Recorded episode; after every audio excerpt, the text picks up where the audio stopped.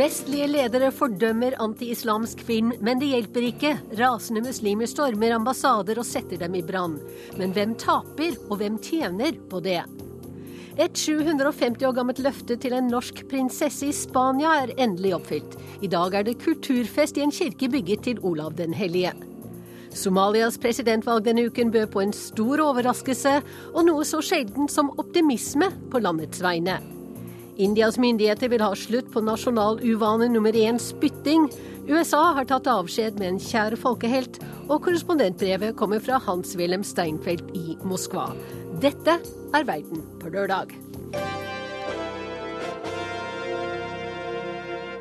Vel møtt til denne knappe timen fra NRKs utenriksredaksjon, der vi starter naturlig nok med å se nærmere på den provokatoriske filmen 'Innocence of Muslims' og de sterke reaksjonene den har vakt i den muslimske verden.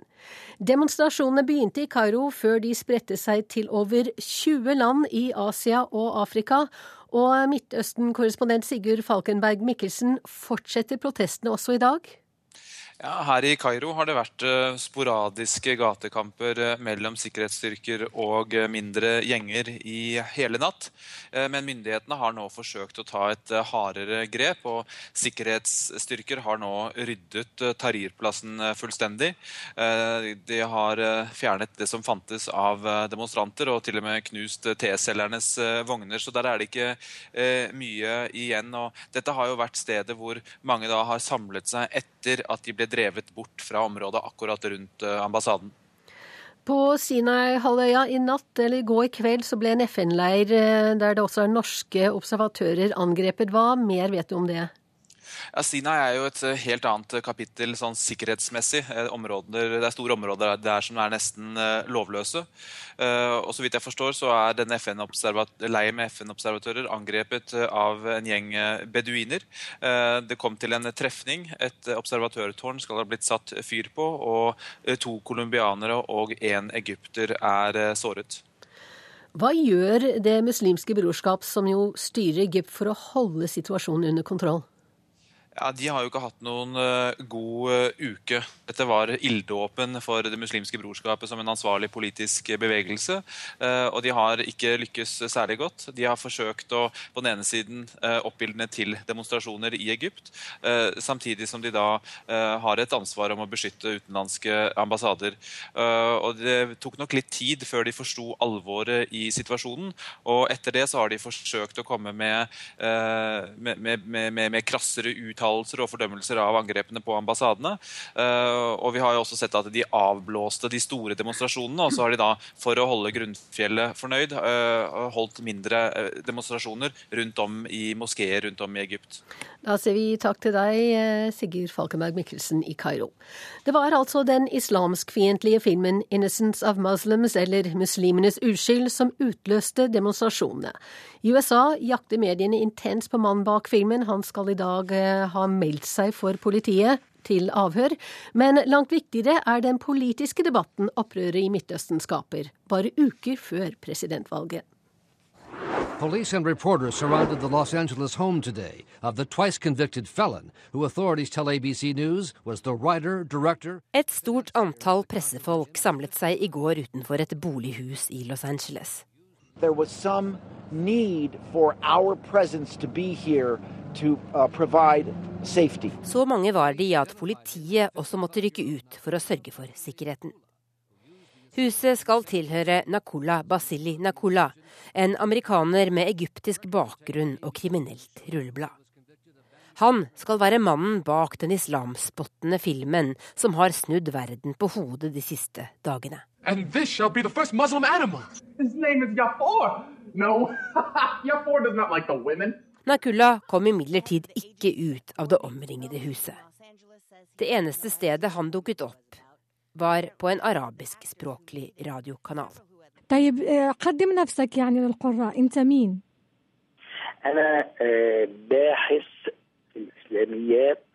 Radio Sava brakte i går et intervju med en mann som ikke ville oppgi navnet sitt, men som heller ikke ville benekte at han heter Nakola Basili Nakola.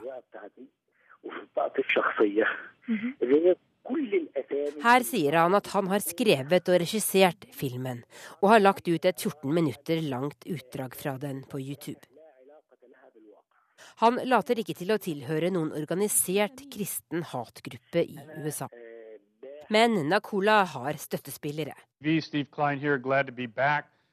En av dem er Steve Klein. I sitt ukentlige TV-show Wake Up America spyr han ut edder og galle om muslimer. Klein er en Vietnam-veteran som fikk sønnen sin invalid tilbake fra Irak-krigen. I California er han kjent for sin anti-islamske aktivisme. If you're a Muslim and you want to call in, assured i TV-showet sitt går Klein svært langt i slike provokasjoner.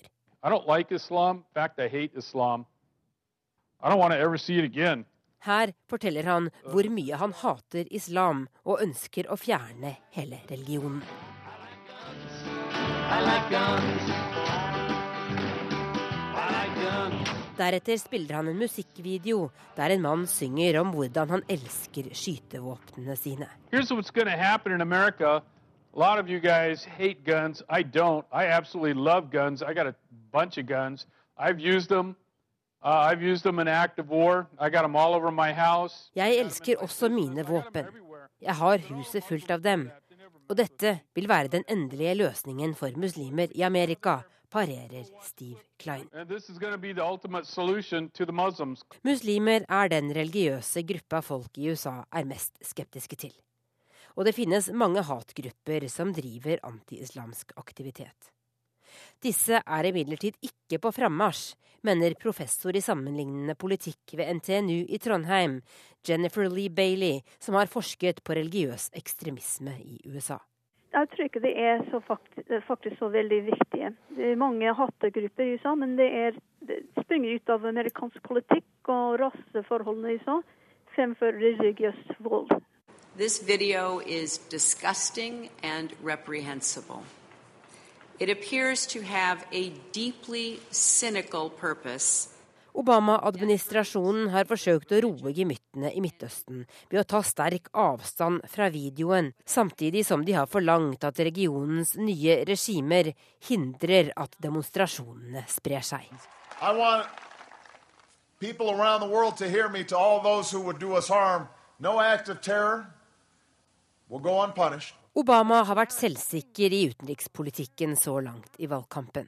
Mitt Romney fikk imidlertid kritikk fra mange også i eget parti, da han raskt gikk ut og anklaget administrasjonen for å be om unnskyldning for den amerikanske ytringsfriheten. The first response should not be to say, yes, we stand by our comments that, that uh, uh, suggest that uh, uh there's something wrong with the right of free speech. Det er imidlertid ikke noen selvfølge at Obama vil komme best ut av det som skjer nå. Essentially, Uh, President Obama har gamblet på at de nye regimene i Midtøsten skal fungere. Og nå har han ikke mange alternativer å falle tilbake på, sier visedirektør ved tenketanken The Brookings Institution, Martin Indyk til NBC News. Now, question,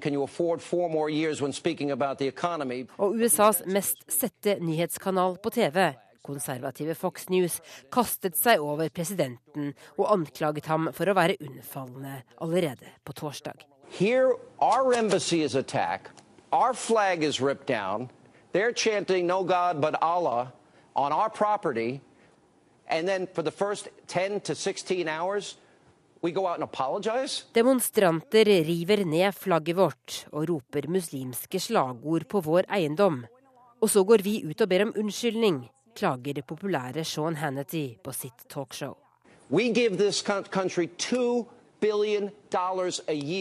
Før han minner om at USA faktisk gir to milliarder dollar i bistand til Egypt bare i år. Deretter spiller Hannity klipp fra den berømte talen Barack Obama holdt i Kairo i 2009, der han strakte ut en hånd til verdens muslimer. I'm grateful for your hospitality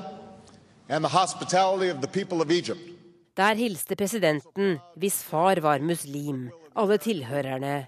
Fred være med dere. Muslim communities in my country. Assalamu alaikum. Det var Tove Bjørgaas som hadde laget denne reportasjen. Velkommen i studio, Kjell Magne Bondevik, leder for Oslo-senteret for fred og menneskerettigheter, og Stig Arle Hansen, førsteamanuensis i internasjonale studier ved Universitetet for miljø og biovitenskap. Og Hansen, du har bl.a. jobbet for Det muslimske brorskapet i flere land, og jeg vil spørre deg først. Hvor mye er religion, hvor mye er politikk, og hvor mye er rene pøbelhandlinger i de voldelige demonstrasjonene som har vært? Altså Her ligger det aspekter av eh, alle ting. Eh, religion er veldig kompleks. Religion er noe som kan eh, manipuleres.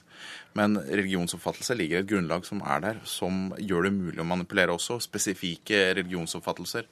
Så her er det en tro som nok blir manipulert av enkelte, men som skaper et grunnlag i forhold til enkelte ting som kan skje veldig fort. Og en, jeg vil heller si at det er en spesiell form for tro. En spesiell en tolkning av islam som ligger til grunn. Men hvem er det først og fremst som tjener på å øke denne spliden mellom den muslimske verden og den vestlige verden? Altså Dette kan være radikalere innenfor den muslimske verden. Nå er det sånn at uh, Den arabiske våren har ledet til en styrkning av muslimbrødrene. Og nå kan det være andre, f.eks. motstandere av muslimbrødrene, som kan bruke dette her til å uh, bygge opp og prøve å vise det at muslimbrødrene kanskje ikke er så trofaste overfor troen som det de ga uttrykk for. Så det kan manipuleres av mange. Og selvsagt så er det mange av disse landene også som har store problemer med arbeidsledighet, ungdomsarbeidsledighet. og der det klart at uh, sånne ting som dette kan blusse veldig raskt opp. Vi har også sett at internett har spilt en stor rolle her, som det gjorde under den arabiske våren. Kjell Magne Bondevik, du har stått i spissen for eh, økt forståelse og dialog mellom religionene og religiøse ledere.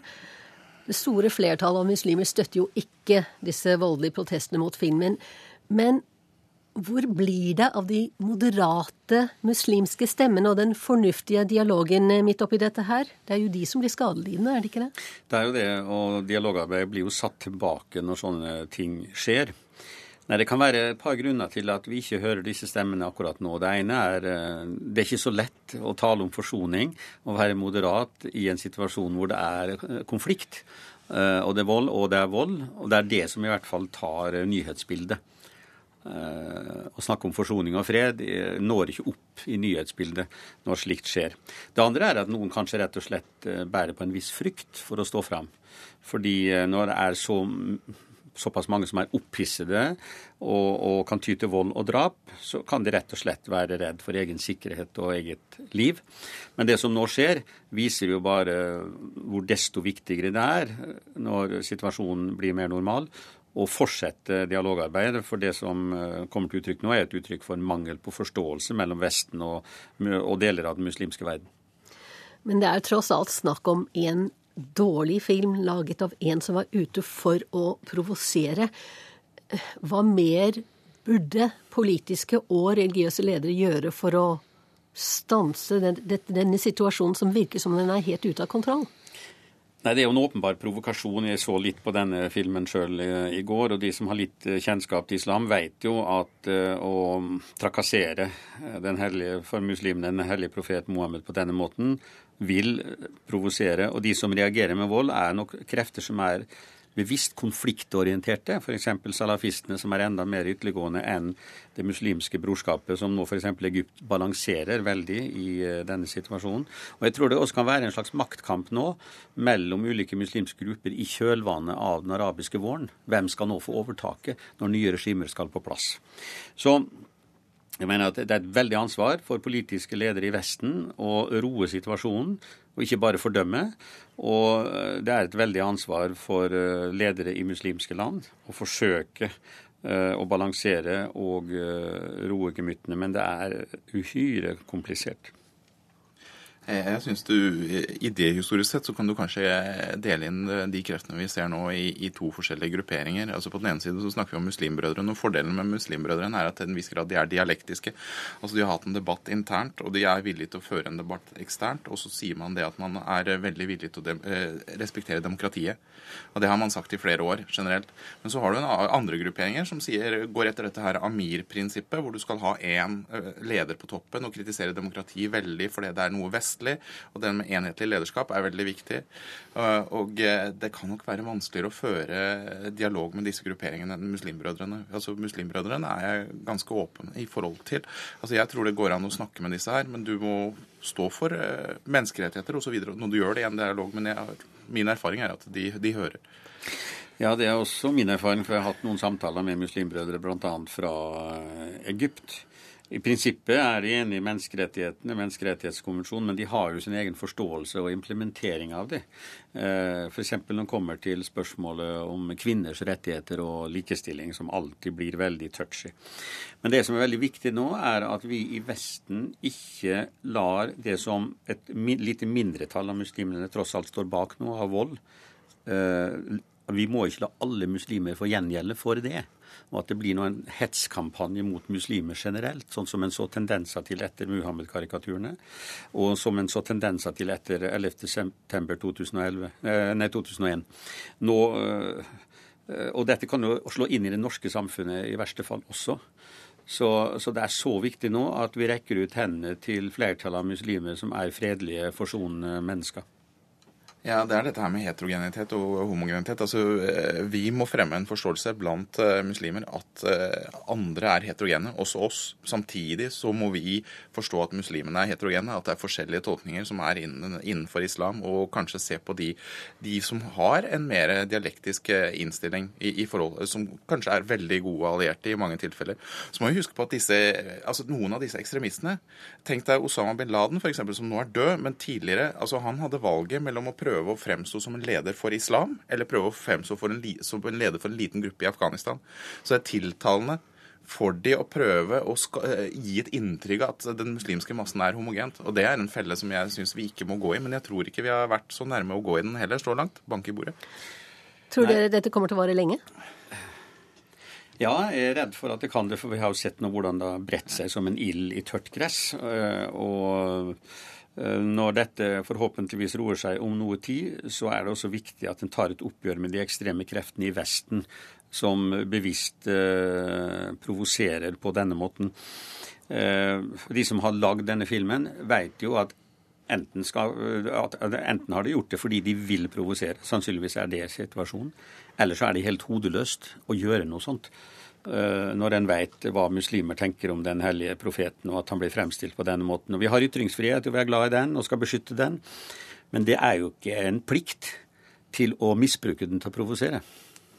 Nei, og Der er det viktig at det blir tatt på en ordentlig måte. For som sagt, eh, det du sier er at vi har ytringsfrihet, og det er veldig viktig. Så på en måte så må dette her tas gjennom avstandstagning i media, snarere enn å gjøre noe eh, direkte mot en person som har gjort det. Og det, Min frykt er at dette kommer nok opp framover. Altså, det er mye som må til. Det er en mer generell form for dialog som må til. For det er ikke sånn at vi kan kontrollere alle enkeltpersoner i Vesten. Og det betyr at det kommer antagelig framover en eller annen som gjentar dette her. Vi greier ikke å stoppe det fullt ut. og Derfor blir det et generelt dialogarbeid viktig, og det å gjennomføre en forståelse både i vest og eh, blant islam at vi er rett og slett heterogene. En heterogen masse. Vi kan ikke kontrollere en hel sivilisasjon. Det greier ikke vi, og det greier ikke noen muslimske ledere. Takk til eh, Kjell Magne Bondevik og Stig Jarle Hansen. Han blir med oss eh, videre igjen litt senere i sendingen. Bråket rundt filmen 'Innocence of Muslims' førte også til at Afghanistans president Hamid Karzai avlyste sitt offisielle besøk til Norge denne uken. Han frykter hjemlige reaksjoner på den islamkritiske filmen. Vår utenrikskommentator Gro Holm er nettopp tilbake fra Afghanistan, og har sett nærmere på mullaenes rolle i forbindelse med de afghanske reaksjonene. Én ting må være helt klart. Holdningen til Taliban har veldig lite å si for hvordan afghanerne reagerer når profeten framstilles som en sex- og voldsfiksert tulling i et ørkentelt. Alle muslimer, og også veldig mange kristne, oppfatter dette som en grov og helt utillatelig gudsbespottelse og fornærmelse.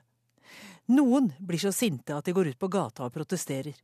Noen blir enda sintere og er villige til å drepe folk som oppfattes som maktsymboler fra den kulturen som tillater den slags blasfemi. Og noen, det skal ikke benektes, vil forsøke å utnytte hendelsen til å oppildne afghanerne til mer protest, voldelig og ikke-voldelig. En del afghanske mullaer er blant dem.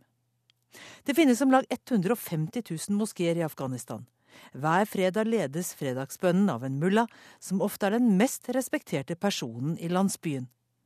70-80 av landets befolkning kan ikke lese og skrive, og det mullaen sier er for mange lov. Maner han til ro og tilbakeholdenhet, vil det som regel bli respektert. Men velger han å fortelle om en vantro amerikaners fornærmelser av profeten tusenvis av kilometer unna, uten ettertrykkelig beskjed om tilbakeholdenhet, oppfattes det raskt som en oppfordring til protest. Mange mullaer nøler ikke med å gå lenger, og ber folk om å demonstrere sin avsky når profeten tråkkes på. Da hjelper det ikke at svært få afghanere har adgang til internett og YouTube. Slike historier trenger ikke datateknologi for å bli kjent. Da pastor Terry Jones brente Koranen foran en liten menighet i Florida våren 2011, ble 24 mennesker i Afghanistan drept, en av dem norske Siri Skare på jobb for FN. Da amerikanske soldater brente Koranen på en militærbase utenfor Kabul i februar i år, resulterte det i opptøyer og 40 drepte. Mullaene sørget for at nyheten ble spredt raskt. Det gjorde de ganske sikkert også under fredagsbønnen i går. Nettverket av mullaer er formelt sett utenfor president Karzais kontroll. Likevel, han kan be det øverste religiøse rådet, ulema, om hjelp til å roe folk. Ingenting tyder på at han har gjort det denne gangen. Han må passe seg så ikke mullaene oppfatter at han vil beskytte amerikanerne mot rettmessig harme. Men det har hendt at mullaene selv har tatt initiativ til rådsmøter og konkludert med at de skal demonstrere på islamsk vis, som det heter. Det skjedde i Kandahar-provinsen etter koranbrenningen i Florida i fjor vår. Etter at ni mennesker var drept i opptøyer, fant de ut at noe måtte gjøres. Flere hundre mullaer og lokale ledere ble samlet til rådslagning i et telt i Kandahar by, og deres beslutning om fredelige protester ble respektert. I president Hamid Karzais uttalelse onsdag var det ingen oppfordring om å avstå fra uro. Han kjenner sitt folk og våger nok ikke forsøke å legge lokket på trykkokeren. Han ønsker å bli oppfattet som folkets president, ikke amerikanernes forlengede arm. Talibans talsmann har en uttalelse oppfordret til å ta hevn her på slagmarken i Afghanistan. Ingen filmprodusent kan lenger si han ikke forutså konsekvensene av en slik fornærmelse. Vi trenger ikke flere eksempler, ikke engang i ytringsfrihetens navn.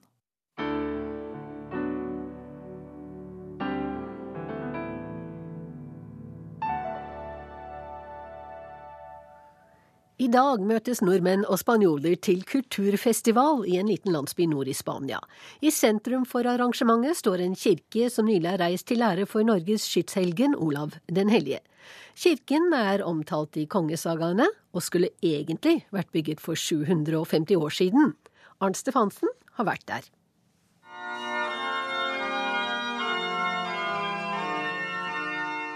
Det er messe i stiftskirken i Covarrubias, en liten landsby drøyt 20 mil nordøst for Madrid. I denne kirken finner vi de jordiske levningene av prinsesse Kristina, Håkon Håkonssons datter, som i det herrens år 1257 reiste til Spania og giftet seg med prins Felipe, broren til en av de store spanske middelalderkongene, Alfonso 10., med tilnavnet Den vise. Hvis du dreier stolen i denne retningen, så, så, så ser du mot det som en sceneløsning. Et par kilometer unna holder den norske Spania-kjenneren og kulturarbeideren Øyvind Fossan en orientering for en gruppe turister fra Norge. Fossan har bodd i Spania i mer enn 20 år, og har brukt mye av sin tid på å virkeliggjøre et 750 år gammelt løfte som den spanske prinsen Felipe ifølge kongesagaene ga til sin hustru prinsesse Kristina å bygge en kirke til ære for Olav den hellige. Dette ønsket ble aldri oppfylt. og Prins Felipe han lovet jo at dette skulle skje, men hun døde jo da ganske tidlig. Og det ble aldri gjennomført før vi tok tak i denne, dette uoppfylte løftet og fant ut at i form av denne gamle historien så skulle vi skape et kulturprosjekt som vi på en måte kunne ta den gamle historien og, og på en måte projisere den inn i fremtiden. I fjor høst sto bygget ferdig, og i kveld står den norske trompetstjernen Tine Ting Helseth på scenen i Den hellige Olavs kapell her i Kobarobias. Bygningen ligger fint til i landlige omgivelser like utenfor den nordspanske landsbyen, og brukes både som kirke og kulturhus. Mange norske turister har de siste månedene besøkt det nye bygget med den spennende historien. Blant dem Gjermund Karlsnes fra Trondheim. Jeg er jo imponert. Veldig imponert. Ja, det. det. Det var forsiktig eh, eksteriørt og fantastisk innvendig. Hva tror du kan komme ut av dette her? Jeg vil jo tro at reisenæringen griper fatt i det, og det har jo vært mye konserter her, så det vil nok komme mange turister her etter hvert, vil jeg tro.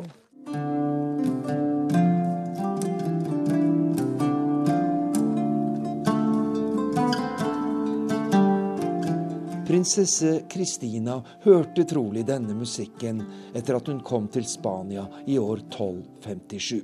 Den er skrevet av kong Alfonso den vise, Kristinas svigerbror, og den ble brukt i kirker over hele Spania i middelalderen.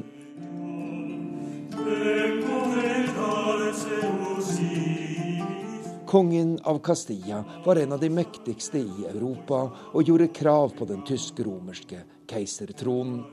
I kampen om keisertronen søkte han allierte, blant dem Norges konge Håkon Håkonsson, som var en viktig europeisk leder på denne tiden.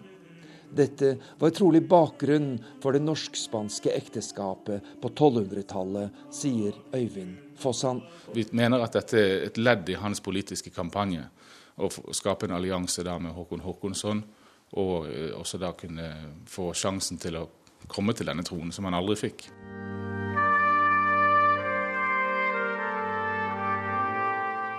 Med prinsesse Kristinas sarkofag i Covarrubias som historisk symbol er det skapt et omfattende norsk-spansk kultursamarbeid i den lille landsbyen. De siste 15 årene er det blitt arrangert en årlig norsk kulturfestival der mange kjente artister har deltatt. Ole Edvard Antonsen, Mari Boine, Annbjørg Lien, Bugge Wesseltoft og Sølvguttene er blant dem som har gitt konsert og trukket tusener av spanjoler til den nordspanske landsbyen, der det bare bor noen få hundre mennesker. Det som ligger til grunn for dette, er at vi gjerne vil vise frem for spanjolene da noe av det beste vi har på musikkfronten. Og eh, Slik at de får sjansen til å oppleve det her i en, eh, et sted som da har en historisk tilknytning til Norge også.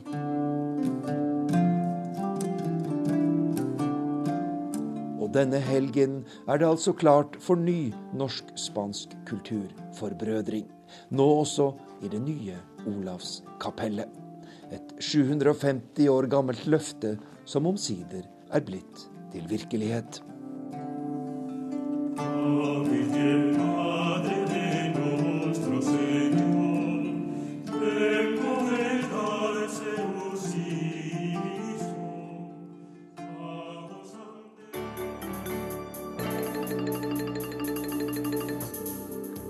lytter til Verden på lørdag i NRK P2, der vi til nå har lagt mye fokus, fokus på opptøyene i muslimske land etter den anti-islamske filmen 'Muslimenes uskyld'. I den neste halvtimen byr vi bl.a. på amerikanernes avskjed med nasjonalhelten Neil Armstrong og indiske myndigheters forsøk på å få slutt på nasjonaluvane nummer én spytting. Før vi avslutter det hele med korrespondentbrevet fra Hans-Wilhelm Steinfeld.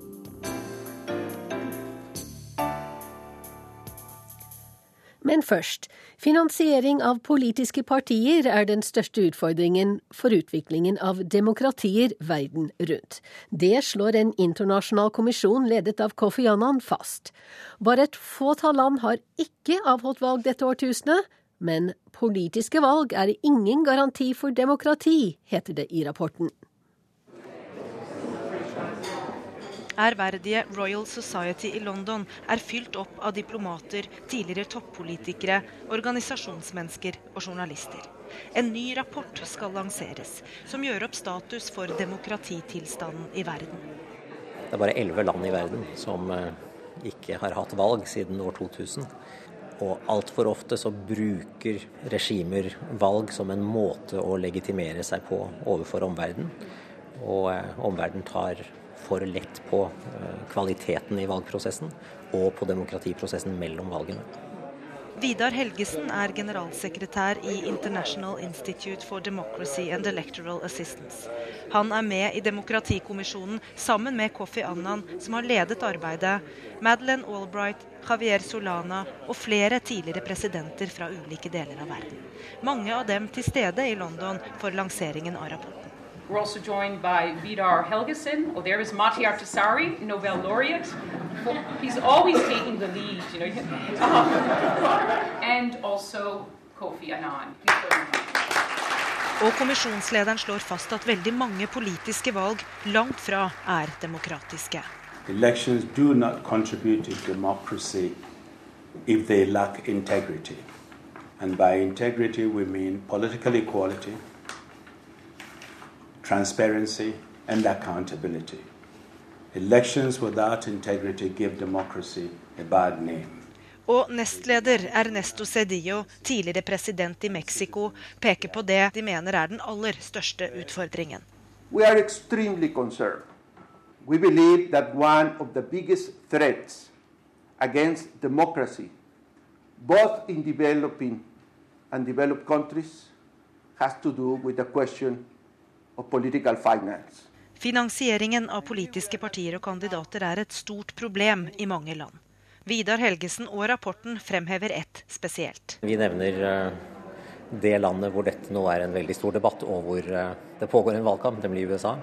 Hvor beslutningen i fjor fra eh, Høyesterett om å nærmest åpne alle sluser for finansiering har ført til at to tredjedeler av eh, den amerikanske befolkningen sier at de får mindre tillit til det politiske systemet. Helgesen understreker samtidig at finansiering av politiske partier i seg selv er helt nødvendig i et demokrati. Men at forutsetningene må være full åpenhet, og at uavhengige institusjoner håndhever lover og regler som settes for denne finansieringen. Men lovgivningen er det jo gjerne politikerne som står for selv, da? Ja, og Et av dilemmaene her er at de samme som jo mottar pengene, er de som vedtar lovgivningen. Og her har politikere i veldig mange land en kjempeutfordring. For det er de som til syvende og sist trenger folks tillit. Og hvis ikke de har det, så bidrar de til å underminere uh, demokratiet på lang sikt. Bare elleve land i verden har ikke holdt valg siden 2000. Nye demokratier oppstår i hurtig tempo. Mange av dem i Asia, Midtøsten og Afrika. Men hvor demokratiske er valg som avholdes raskt etter en turbulent omveltning av politiske systemer? Jeg tror eh, delvis var de kommet for tidlig, delvis så blir det for mange valg på for kort tid. Og delvis så er eh, ikke valgprosessen ledsaget av en nasjonal prosess hvor man har formet eh, en enighet om hva landets politikk skal dreie seg om, og, om de grunnleggende institusjonene. Og da kan ofte valgprosessen bidra til å skjerpe konflikt heller enn å dempe konflikt. Vidar Heggesen er generalsekretær i International Institute for Democracy and Electoral Assistance. Han ble intervjuet av korrespondent Gry Blekassa Almås i London. Vi skal videre til et land der det har vært holdt valg denne uken. Et valg som FN kaller historisk, selv om det bare var landets parlamentarikere som kunne avgi stemme. Og det måtte de gjøre i en strengt bevåknet bygning på flyplassen i Mogadishu. Men valget på ny president i Somalia bød på en stor overraskelse, for den sittende presidenten ble slått med 190 mot 79 stemmer. Og førsteamanuensis Stig Jarle Hansen ved Universitetet for miljø- og biovitenskap, du er fortsatt med oss nå som Somalia-ekspert. Hvem er den nye presidenten Hassan Sheikh Mohammed? Ja, Hassan Sheikh Mohammed han har en eh, fortid eh, i, sivile, i, det sivile samfunnet i Somalia. Har også jobbet litt med FN. Han har vært involvert i av de, noen av de viktigste somaliske institusjonene på forskningssiden. Og Det er den forbindelse jeg har truffet han tidligere. Altså, han har vært en av de stifterne av et av de mest populære universitetene i Mogadishu, SIMAD. Eh, og han har også vært med på det som kalles Center for Research and Dialogue, som har vært veldig viktig i forhold til forskning internt i Mogadishu. og jobbet sammen med en del internasjonale organisasjoner, sånn som den svenske Life and Peace-stiftelsen og eh, Interpeace i forhold til fredsarbeidet. Så han kommer litt utenfra. Han har også en fortid på periferien, vil jeg si, av det muslimske brorskap. Så han har hatt en form for tilknytning til Muslimbrødrene tidligere, men han var ikke hovedkandidaten for Muslimbrødrene. Men hva var det som skjedde? Hvorfor vant han? Dette var et protestvalg. Det var den sist, sittende presidenten, eh, som eh, den forrige presidenten, må jeg si nå, eh, som på en måte hadde blitt kjent for å være veldig korrupt. Og han brukte antagelig penger til, for å kjøpe stemmer. Det som skjedde, var at han rett og slett Klanene rundt i Somalia snudde seg mot ham kollektivt. Så han mistet, når, de, når det ble klart at de forskjellige klanene ikke greide å få fram sine kandidater, så stemte de fram en kandidat fra hans egen klan. Og Det var nesten unisont, og det var en ganske sterk seier til slutt. Og eh, På en måte så er det positivt fordi man får inn noe nytt. Og eh, han kommer inn i en vanskelig stilling. Det er et gjennomkorrupt eh, statssystem han eh, blir sjef over. Men eh, jeg tror de fleste somalierne ser på dette her som en eh, ny start. Og det var jo også sånn at enkelte regioner i Somalia, bl.a. Puntland-regionen, de truet med å gå ut av Somalia hvis den forrige presidenten fortsatte å sitte. Så du ser en grunn til optimisme i utviklingen Ja, i Somalia nå? altså, jeg ble veldig positivt overrasket over det valget. Jeg hadde trodd at den forrige presidenten kom til å greie seg gjennom penger osv. osv. Men eh, dette gir en eh, positiv start. Eh, Det er ikke lett å kjempe mot korrupsjonsspøkelset. Det er ikke Shebab som er den største fienden til overgangsregjeringen. Det er korrupsjonsspøkelset. Altså, nå sitter man på en hær på over 20 000. Shebab har kanskje seks. Hvis den hæren fungerer og politiet fungerer, så skal dette gå bra. Problemet er at store deler av den hæren og de politistyrkene ikke får betalt. Det er et veldig stort problem for, for den nye presidenten.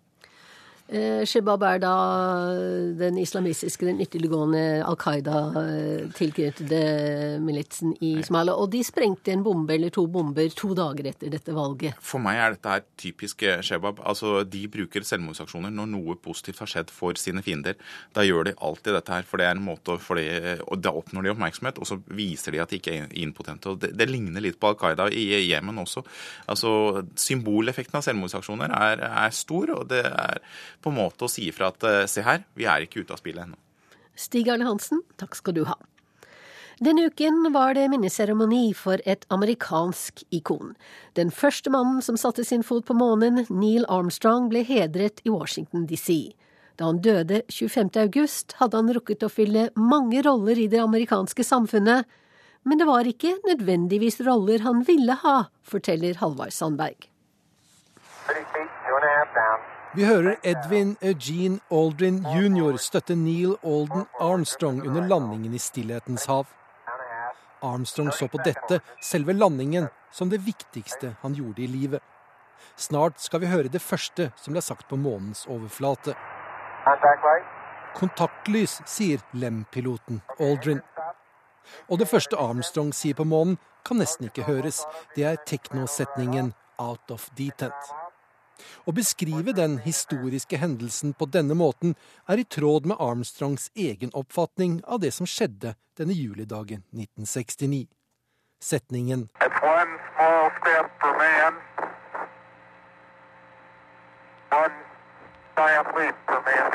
er noe som Armstrong fant på i løpet av de siste timene før han gikk ut på månens overflate, og noe som på mange måter ble påtvunget ham. Det han sa, stemmer også godt med den plasseringen han ville ha i den amerikanske historien, men som han ikke fikk. Astronautkollega Gene Cernan under minneseremonien torsdag denne uken. No one, no one, but no one could have accepted the responsibility of his remarkable accomplishment with more dignity and more grace. Dette er slik resten av verden ser på ham.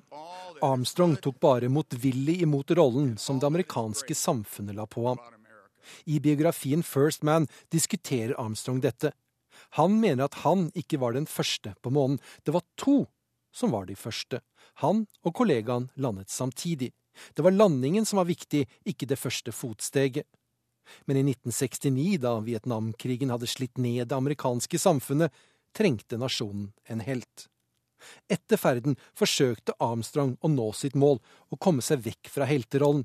Dette er fra en pressekonferanse etter landingen.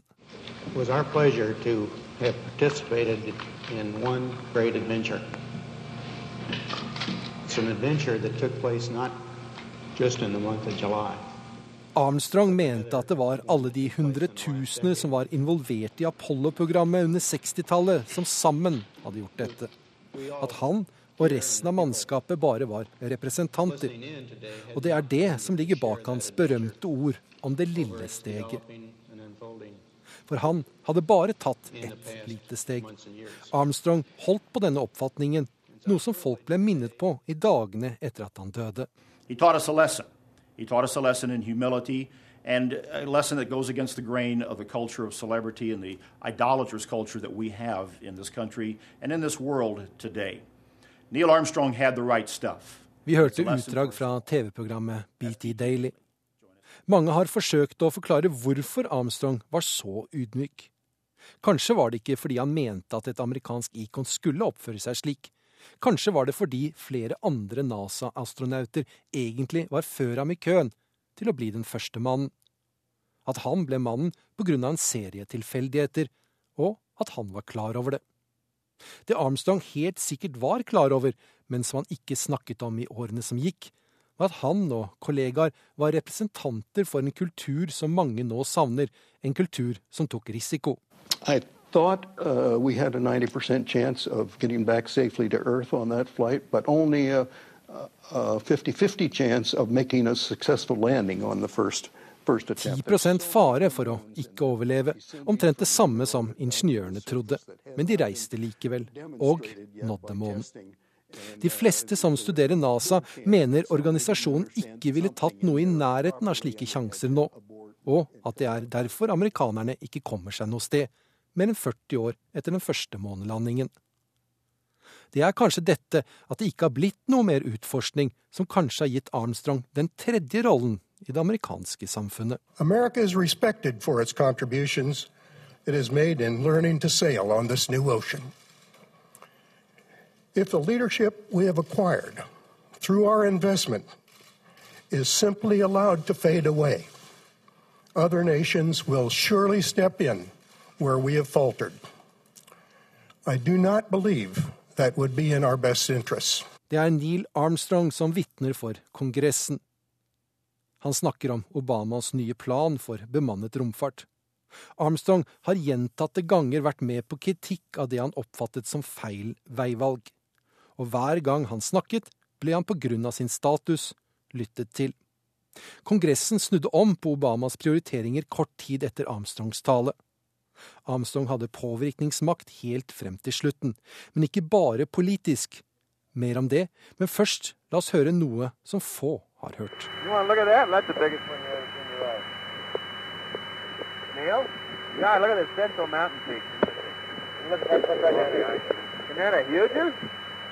Vi hører et lydbåndopptak som ble gjort inne i romfartøyet Colombia mens det var på baksiden av månen. Mannskapet fløy lavt over landskapet. Bevis på at Neil Armstrong var med på dette. Det skjedde faktisk. Noen har vært helt der ute, på månen. Dette er den fjerde rollen Armstrong har fylt. Den verdifulle rollen som utforsker og inspirator. Til India nå, der myndighetene forsøker å få slutt på nasjonal uvane nummer én spytting. I store deler av landet er det allerede forbudt å selge skrå tobakk. Nå følger hovedstaden New Delhi etter. Det forteller Joar Ho Larsen, som har bodd i India og opplevd fenomenet på nært hold. Du sitter kanskje i en bil på rødt lys og venter, og i India sitter man da sammen med svært mange andre som også sitter og venter på rødt lys. Bilene står ikke akkurat på rekke og rad, og respekten for filer og forkjørsrett er ikke påtrengende. Plutselig så vrenges drosjedøra opp. Sjåføren lener seg ut og tømmer munnhulen for væske.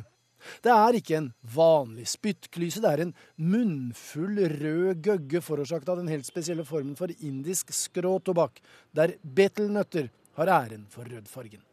Det er uappetittlig og udelikat, ja vel. Verre er det at det er uhygienisk, og ikke minst, sier doktor Sheravat, farlig. If we do not impose a ban, then the incidence of uh, cancer is going to increase our coming generations, our own children, may fall into this trap. Myndighetene er lite opptatt av det estetiske. Poenget er at forbudet kan redde millioner av liv i India, sier doktor Rawat. Blandingen, som inderne kaller gutka, inneholder i tillegg til betelnøtt, nikotin og diverse smakstilsetninger. Det skal være 65 millioner brukere i India. Med andre ord bare 5% av befolkningen, hvilket virker mistenkelig lavt for en som har opplevd omfanget. Men så er det da også 10% i hovedstaden. Denne miksen selges i strimler med engangsdoser i små plastikkposer fra kiosker og buer over hele India. Og noen, som Rajender Kumar, bare må ha. जी एक लगाव सा हो गया गुटखा नहीं खाता तो मुझे ऐसा लगता है कि मेरे मुंह में कुछ गया ही नहीं है मैं लगता हूँ लगता है मैं नींद में सोया पड़ा हूँ मेरे अंदर Han blir uvel og trøtt når han ikke får tygget gutka, sier Kumar, som snarere blir oppkvikket og energisk når han legger innpå en pris. Nå vet han ikke hva han skal gjøre, og kioskeier Ramu er enig med kunden. Det er galt ho raha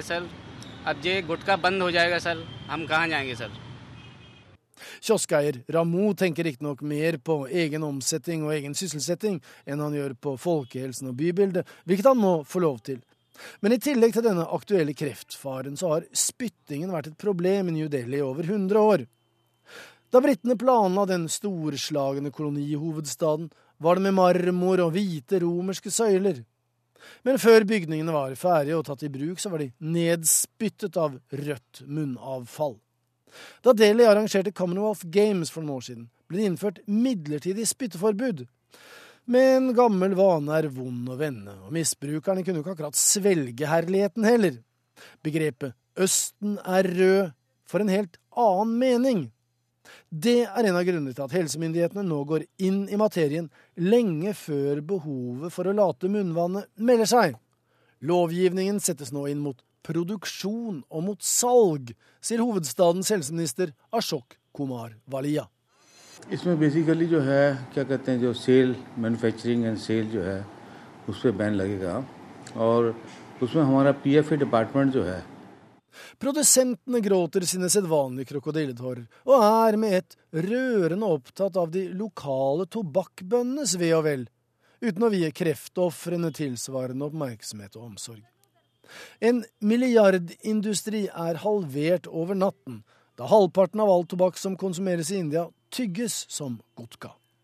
Tobakksindustrien raser og har saksøkt myndighetene, ikke minst fordi det er Mattilsynet som kjører saken mot tobakken. Som om tobakk er mat, liksom, er omkvedet. Syv års fengsel til den som lager, selger, kjøper, transporterer, lagrer eller stiller ut godka eller tilsvarende produkter. Men som doktor Sheravat sier, dette er ikke bare snakk om lover og forbud. Det er også snakk om å ta ansvar for egen helse. So it is not only government's responsibility, it is also our own responsibility to uh, look into it. Korrespondentbrevet denne uken er postlagt i Moskva og handler om fotografen Tolja, som døde for kort tid siden. I et kvart århundre var han mannen bak Dagsrevyens kamera i Russland, og Hans-Wilhelm Steinfeld tar avskjed med ham på denne måten. Ja, kjære Tolja, jeg sender deg dette brevet på luften i NRK i håp om at du hører dette der oppe blant stjernene, hvor jeg tror du nå sitter og smiler i din enorme mustasje. For jeg regner med at så godt menneske som du var, så har du bare skiftet ut Russland med paradis, hvor din yndlingsvits fra hine hårde dager utspant seg nettopp i himmelen. Husker du historien om de gamle Kreml-lederne Leonid Brezjnev og Jurij Andropov, som vi to begravde sammen, og som kom til himmels, utrolig nok? Derfra ringte de to den aldrende etterfølgeren Konstantin Tsjernjenko i Kreml og ba ham ta med bestikk til dem når han trolig snart fulgte etter til paradis. Konstantin Tsjernjenko spurte hva i all verden de skulle med bestikk når de allerede var i himmelen, og svarte Brezjnev, her oppe er tsar Nikolai den annen kantinebestyrer, og han tvinger oss bolsjeviker til å ete med sigd og hammer. Ja, humoren din, Vyrde Anatolij Nikolajevitsj Kuprianov, preget alltid din 25 år lange arbeidsdag i Moskva for NRK. Og jeg tenkte å nevne humoren først, siden nordmenn aldri så deg, mens de så Russland gjennom dine øyne og skarpe blikk i TV-kameras okular. Om stoffen var dystert, var smilet ditt i barten alltid på plass, Tolja. Jeg glemmer aldri en av de mange gangene du var med på badstueseansen med mine gamle studiekamerater på vinterstadion i St. Petersburg. Fem forvorpne 17-åringer stanset meg og min gamle venn politioberst Sergej Prakofjev foran en kiosk der vi skulle kjøpe med øl. De ville true til seg pengene våre, at Sergej var sjef for mordkommisjonen og viste dem sitt meget gjenkjennelige politiskilt, hjalp ikke det spøtt. Da Sergej løftet jakken litt til side og viste sin Makarov tjenestepistol, økte ikke det respekten heller. Men da du, Tolja, med dine 195 cm på sokkeleisten, ditt skallede hode og din enorme mustasje gled frem bak kiosken, ja, da forduftet de fem kjeltringene som ville rane oss. Badstuen ble jo langvarig og nachspielet det samme. Vi endte i leiligheten til forfatteren Danil Charms. Da vi skulle vakle oss av gårde til hotellet ved tretiden om natten, grep du en flaske med en skvett i på det overfylte bordet med tomgods for å ta deg en slurk for stigbøylen, som dere kosakker jo sier det. Men du grep jo eddikflasken, og det måpende fjeset ditt fikk meg til å skoggale da du tok første slurken. Du ble litt sår da, Tolja, både i halsen og til sinns. Det var vel den eneste gangen i løpet av de ti årene av dine 25 år i NRK som jeg fikk arbeide med deg at du var sår. Vi dekket jo både kalde og varme kriger sammen, Tolja. Og uten deg så hadde jeg nok aldri klart å dekke kommunismens sammenbrudd for en mannsalder siden her til lands, slik vi to lyktes sammen med å gjøre. Du ruvet også i Kreml, og siden vi begravde deg for 14 dager siden, minnes jeg nå da vi to filmet fredsprisvinner Andrej Sakharov på likstrå foran Vitenskapsakademiet midt i desember 1989, hvor folket kunne ta avskjed med ham. Til tross for tallrike sperringer og hindre slapp KGB oss to helt frem til båren da president Mikhail Gorbatsjov og statsminister Nikolai Rysjkov bøyde sine hoder i respekt for den gamle menneskerettighetsforkjemperen, før vi fikk et eksklusivt intervju med Gorbatsjov da han var på vei ut etterpå etter å ha signert kondolanseprotokollen. Hvorfor slapp dere oss helt frem til topplederne, spurte jeg Valeri, som hadde ansvaret for sikkerheten i en femmeters sirkel rundt Mikhail Gorbatsjovs kropp, og jeg glemmer aldri svaret til denne KGB-generalen. Og vi har ikke noe problem med å slippe Tolja og deg frem, Hans-Wilhelm. Vårt mareritt er at noen som absolutt ikke burde komme i nærheten av Kreml-lederne, skulle snike seg sammen med Tolja og deg frem til dem. Ja, Tolja, du var lett å få øye på i pressetrengselen, og du innga tillit overalt f.eks. hos kirkefyrsten metropolitt og Volokolamsk. Hos ham gikk du ut og inn av kontor og hjem til stadighet. Jeg husker forresten presten i Alle krenkedes kirke ved det gamle dyremarkedet her i Moskva. Han spurte oss to om vi var døpt før han ville gi oss tillatelse til å filme under gudstjenesten, og da svarte du til min store forbauselse ja, du som kom fra en gammel kommunistfamilie. Ditt lure smil etterpå var like varmt som forklaringen om at din gamle bestemor ilte av gårde og døpte deg en sen kveld som liten gutt da dine foreldre var på kino og bestemor var barnevakt. Ja, Tolja, din generasjon russere ble virkelig slitt mellom så mange verdier og hensyn her i dette landet, må jeg si. På alle reportasjereisene gjennom ti år var du en trygg følgesvenn.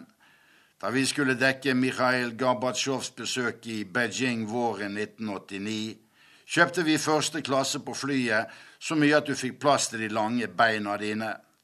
Vi ble jo der i Kina i tre uker, og din høyde kom godt med i folkehavet på Den himmelske freds plass da demokratiopprøret brøt løs, utløst av glasnostfaderen Gorbatsjovs statsbesøk. Jeg glemmer aldri øynene til ekspeditøren i et kinesisk varehus da min kone Julia og jeg skulle kjøpe joggesko til deg og oppkaststørrelse størrelse 48. De skjeve øynene til den kinesiske ekspeditøren ble trillrunde. Julia minnes den rike, vesle kineserinnen fra Taiwan som ville danse med deg i ett sett på Great Wall Sheraton. Du var dobbelt så stor som henne. Nå kidnapper hun hele Tolja med seg til Taiwan, fleipet Julia, som alltid sa at du hadde drag på damene. Men du kunne aldri komme deg fort nok hjem til din kone Galja og deres datter Marina på Datsjan vest for Moskva. Det var dit din lengsel gikk, og hvis jeg skulle velge musikken din, var det vel tonene som bærer med seg både tragedien og vemodet fra de dype skogene i det russiske Karelen, der vi to også fartet mang en gang, og stjernesangen av Jean Sibelius, som du var så glad i.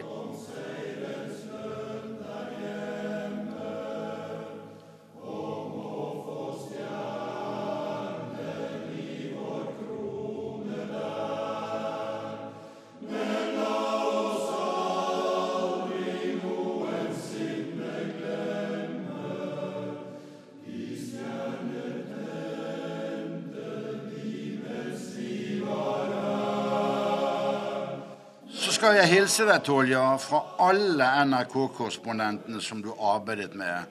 Jan Otto Johansen, Elna Seljevold, Marit Christensen, Jan Espen Kruse, Gro Holm, Morten Jentoft og til sist meg sjøl, som du var en så god Sputnik eller følgesvenn for i ti år som NRKs filmfotograf her i Russland.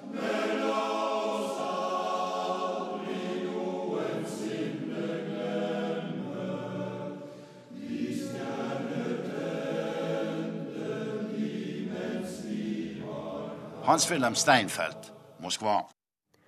Og det var Kvæfjord mannskor som sang stjernesangen for Tolja.